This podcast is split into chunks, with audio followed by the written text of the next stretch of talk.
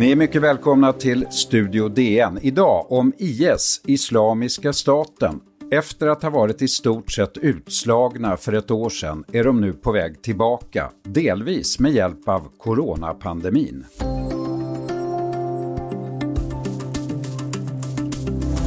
I mars förra året intog syriska styrkor stödda av USA den syriska staden al-Baghouz. Det var kan man säga den officiella slutpunkten för Islamiska statens självutropade kalifat.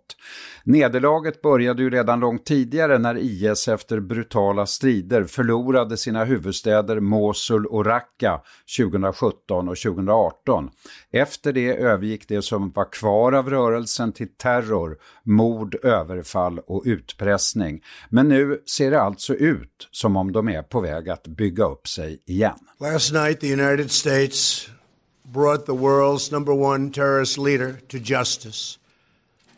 Abu Bakr al Baghdadi is dead. The United States has been searching for Baghdadi for many years. Capturing or killing Baghdadi has been the top national security priority of my administration. Ja, det här var alltså en triumferande, närmast hånfull Donald Trump efter anfallet som dödade den så kallade kalifen själv, al-Baghdadi, i oktober förra året. Dessutom dödades i ett par dagar efter deras talesman al-Mohajir. Välkommen DNs Mellanöstern-expert Erik Olsson. Tackar. Ska vi börja pedagogiskt, eh, Erik? Eh, IS, vad, vad är det egentligen för någonting? Islamiska staten? Det är en eh, sunni-extremistisk gruppering som strävar efter att eh, upprätta ett eh, Guds rike på jorden, alltså där Gud styr och inte folkvalda politiker eller politiska beslut. Man, målet är en, ett samhälle som ser ut ungefär som på 1600-talet efter Kristus, på profeten Muhammeds tid. Och det här vill man då genomdriva med våld. Ja, de lyckades ju verkligen sätta skräck i världen nästan på samma sätt som covid-19-pandemin. Det, det, var ju, det förändrade ju världen under en period, inte sant?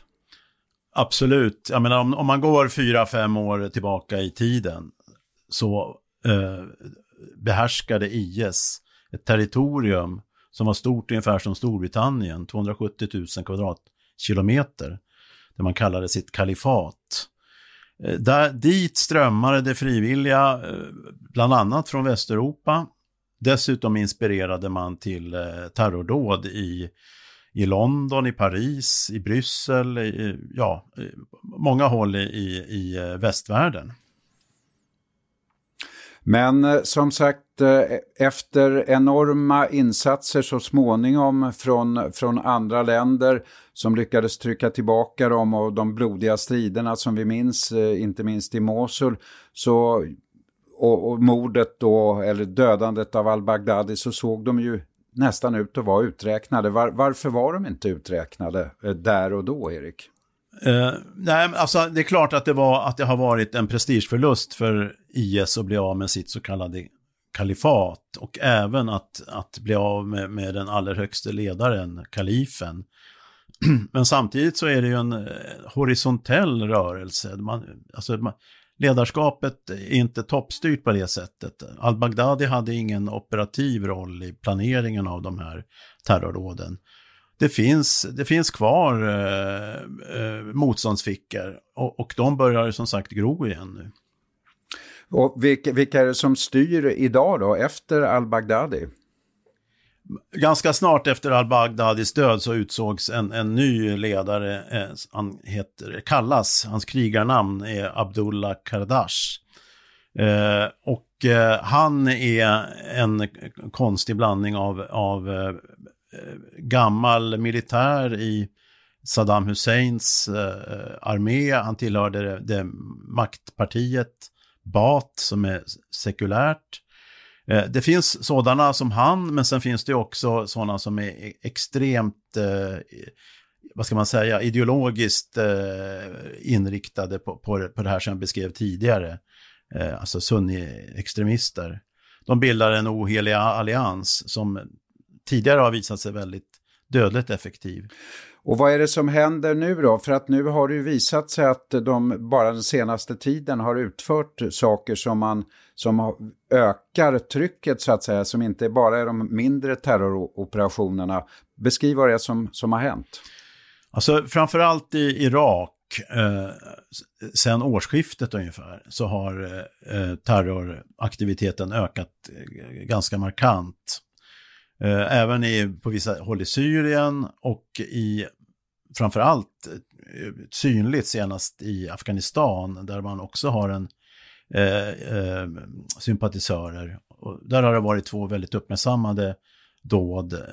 Eh, dels mot en begra begravning och dels mot ett eh, eh, sjukhus, mödravårdsavdelning på ett sjukhus i Kabul. Läkare utan gränser, eh, eh, där de är engagerade också. Exakt, där man gick in och, och dödade faktiskt spädbarn och, och uh, nyförlösta mödrar.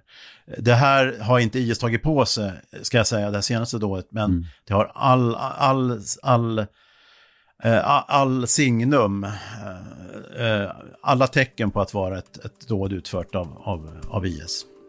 När vi kommer tillbaka, Erik Olsson, ska vi tala mer om hur man utnyttjar covid-19-pandemin.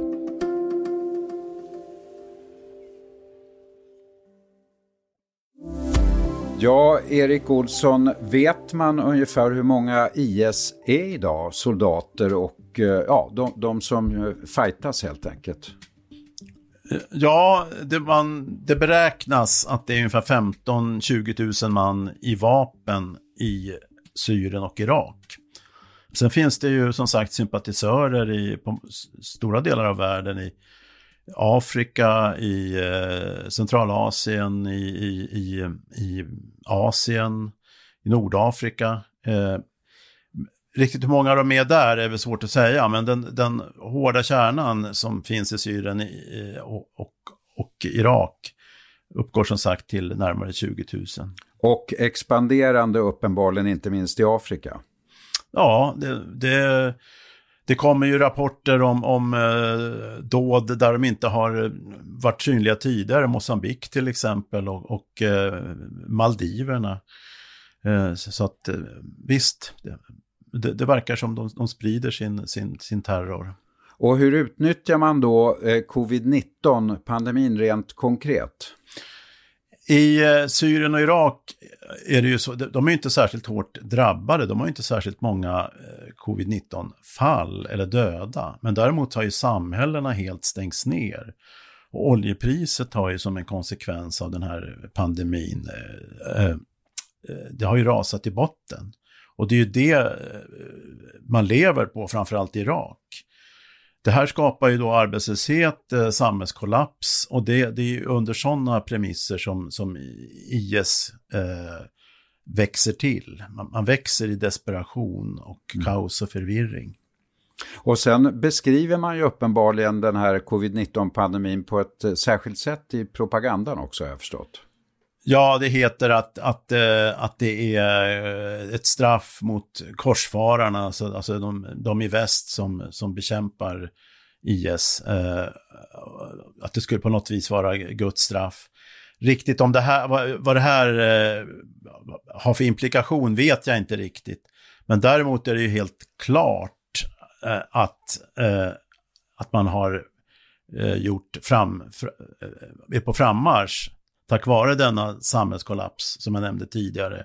Och att eh, eh, till exempel USA har dragit tillbaka sina, ba eh, från, sina baser i, i Irak och, i, och även i Syrien, eh, delvis på grund av, av eh, pandemin. Förut eh, så var det ju så påtagligt att man var så slug eh, på sociala medier och utnyttjade sociala medier för sina eh, eh, suggestiva propagandavideor. Men det har man inte lika lätt att göra nu, inte sant? Det är många som har stängt det här. Ja, det är många av de här operatörerna, även krypterade tjänster som Telegram, som har, där man försöker hålla rent från propagandavideor och andra budskap. Och eh, då försöker ju eh, IS eh, propagandister hitta kryphål eftersom det är mycket viktigt för dem att komma ut på det här lättillgängliga sättet.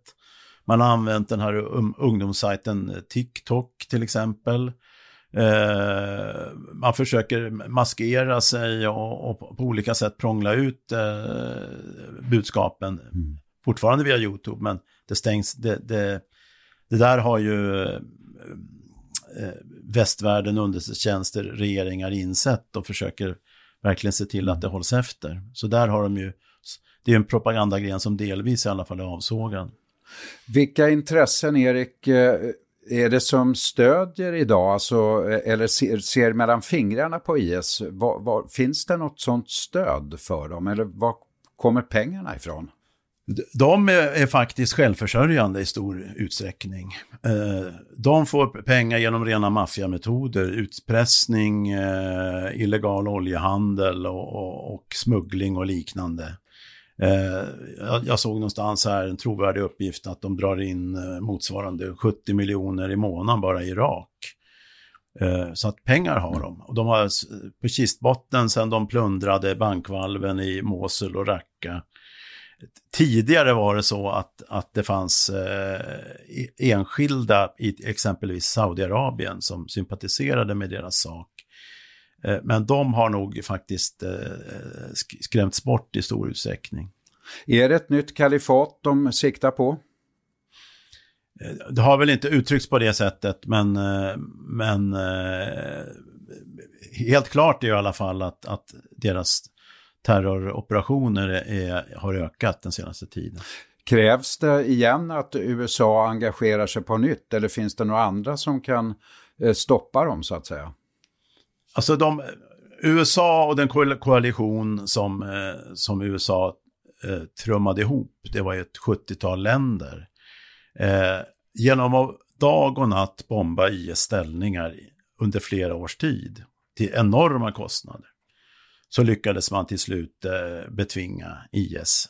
Eh, är det det som, som måste till? Ja, kanske. Ja, finns det något annat sätt eh, än, än bomber? Eh, alltså, som så många andra så menar jag att, att man måste skapa förutsättningar för unga i den här regionen, alltså Syrien, Irak, och, och, och våga tro på en annan framtid och en mera positiv utveckling. Eh, man kanske kunde ta, nalla av lite av alla de här pengarna som går till kriget mot terrorismen till civila projekt. Det är en långsiktig lösning, men jag tror att det är en nödvändig väg att slå in på. Tror du att vi kommer att se mer av dem? Är det de tecknen du ser som bedömare att, att det här kommer, den här expansionen kommer att fortsätta? Det det vi har sett början på nu. Ja, nu har det ju nu har det uppmärksammats på ett sätt eh, som det kanske inte gjorde för några månader sedan. Och vad det, riktigt vad det innebär är ju svårt att säga. Eh, men, men det är ju sä säkert som vi sa tidigare att det är försvagade stater som ska bekämpa den här framväxande terrorismen. Och, och riktigt vad det, vad det landar och vad det hamnar i, det är ju, det är ju svårt att säga. Tack så mycket, så länge. Vi får säkert anledning att återkomma till det, Erik Olsson. I Studio DN nästa gång bitcoinbedrägerierna och pensionärerna som luras av skrupelfria svindlare. För eh, ljudet idag stod TT Nyhetsbyrån. Studio DN görs av producent Sabina Marmelakai, exekutiv producent Augustin Erba, ljudtekniker Patrik Miesenberger, teknik Oliver Bergman, Bauer Media. Jag heter Lasse Bengtsson. Vi hörs.